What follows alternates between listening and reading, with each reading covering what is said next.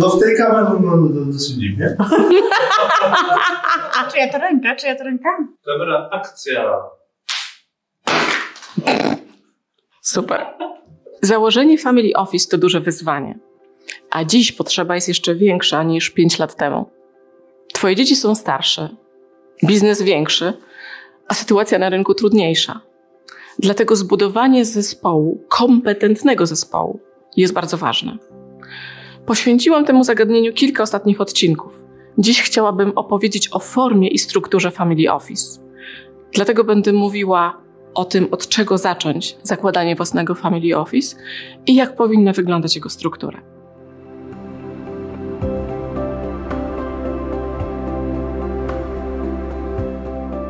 Cześć. Jeśli stawiasz sobie pytanie, w jaki sposób zabezpieczyć Twoje aktywa oraz przyszłość swojej rodziny, jesteś we właściwym miejscu. Założyłam ponad 250 rachunków inwestycyjnych w kilkudziesięciu instytucjach finansowych w Europie oraz na świecie. Pomagam w budowie Family Office. Obsługuję majątek prywatny polskich i zagranicznych rodzin, którego wartość przekracza miliard złotych. Nazywam się Anna Maria Panasiuk. Z wykształcenia jestem doktorem nauk prawnych i adwokatem. Z zawodu jestem przedsiębiorcą oraz wealth advisorem. Doradzam holistycznie. Prawnie, finansowo, biznesowo i podatkowo osobom, które stają przed wyzwaniem zarządzania swoim majątkiem. Na moim kanale Wealth Advisor Anna Maria Panasiuk dowiesz się, jak skutecznie i bezpiecznie chronić swój majątek oraz zapewnić bezpieczeństwo Twojej rodzinie. Zasubskrybuj mój kanał i bądź na bieżąco. Gdy dostaję pytanie o to, jak założyć Family Office, wydaje się, że jest to pytanie o to, jaką formę, strukturę powinno ono przyjąć. Tymczasem, zanim przejdziemy do formy, powinniśmy porozmawiać o celach Twojego Family Office, o kompetencjach zespołu, jaki powinieneś utworzyć. Od czego zatem zacząć?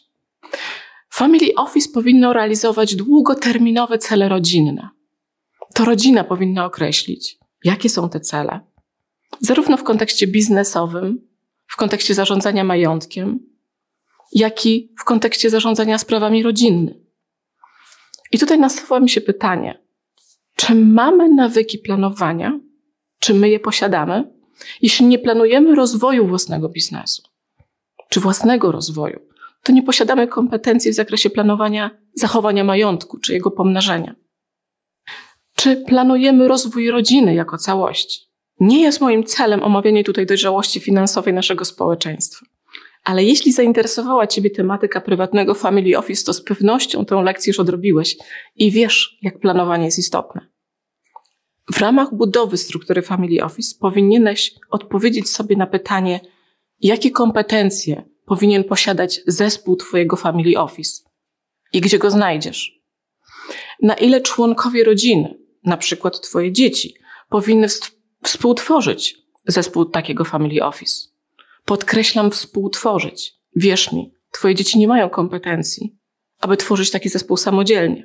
Dalej, komu powierzysz zarządzanie aktywami płynnymi? Czy te aktywa będą zarządzane wewnątrz struktury, czy też to zadanie będzie oddelegowane na zewnątrz, na przykład do profesjonalnego asset management Szwajcarii? A może podzielisz to zadanie pomiędzy zespoły wewnątrz i na zewnątrz Twojego family office? Jakie inne zadania będzie musiał wykonywać zespół Twojego family office? To z kolei zależy od struktury Twoich aktywów. Bo może masz nieruchomości, którymi trzeba zarządzać. Kolejna sprawa. Czy Twój family office będzie realizował zadania z zakresu lifestyle'u, opieki nad zdrowiem? A może będzie realizował działalność dobroczynną? Jak będziesz miał odpowiedzi na te pytania, to dopiero wtedy należy przystąpić do budowania formy Twojego family office, bo ta zależy od tego, jakimi kompetencjami będziesz dysponował, jakie, jakimi aktywami zarządzał oraz jakie cele sobie stawiasz. Według mojego doświadczenia największe family office działają w formie prostych spółek holdingowych. Te spółki posiadają udziały w strukturach biznesowych, posiadają rachunki inwestycyjne. W tych samych strukturach mogą znajdować się aktywa prywatne, na przykład apartament w Alpach. Również może znajdować się w spółce inwestycyjnej. W ten sposób masz od razu załatwiony problem spadkowy.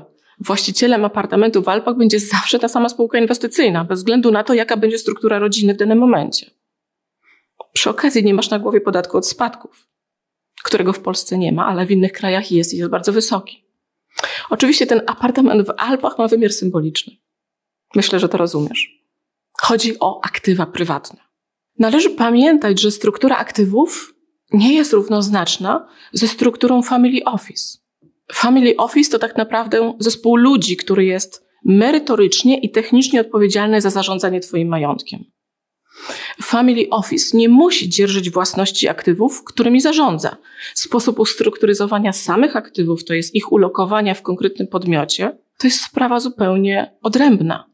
Tak samo odpowiedź na pytanie, czy informacje o własności aktywów powinny być publicznie dostępne, w jakim zakresie, to są indywidualne decyzje, które podejmiesz z wykwalifikowanym zespołem Twojego Family Office. W rozmowach z moimi klientami często pojawia się postulat, aby na przykład majątek pozostał w rękach rodziny i spajał rodzinę, a jej nie dzielił. Na przykład otrzymałam ostatnio takie pytanie od klienta, co mam zrobić, aby moja synowa, która wchodzi właśnie do rodziny, nie poróżniła moich dzieci?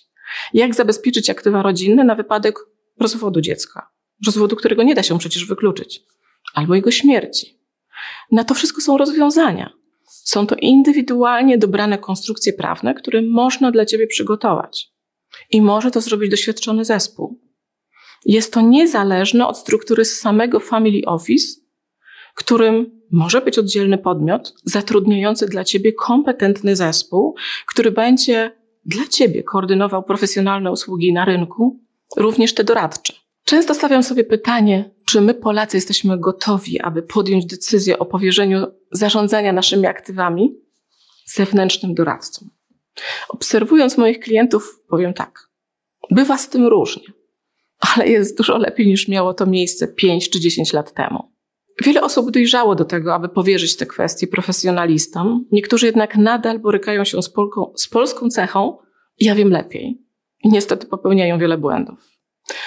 Z drugiej strony, bardzo wielu młodych przedsiębiorców, zwłaszcza tych, którzy wyrośli w epoce profesjonalnych usług doradczych, z zaskakującą precyzją korzysta z dostępnych rozwiązań i doskonale wie, czego potrzebuje.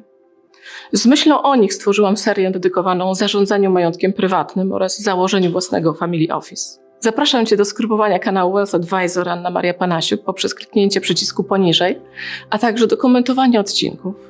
Chętnie na każdy komentarz odpowiem. Mój kanał jest dostępny na YouTube, Apple Podcast i Spotify. Jeśli chcesz się ze mną skontaktować, zapraszam na stronę www.annamariapanasiuk.com. Zapraszam na kolejny odcinek za tydzień. Do zobaczenia i miłego dnia.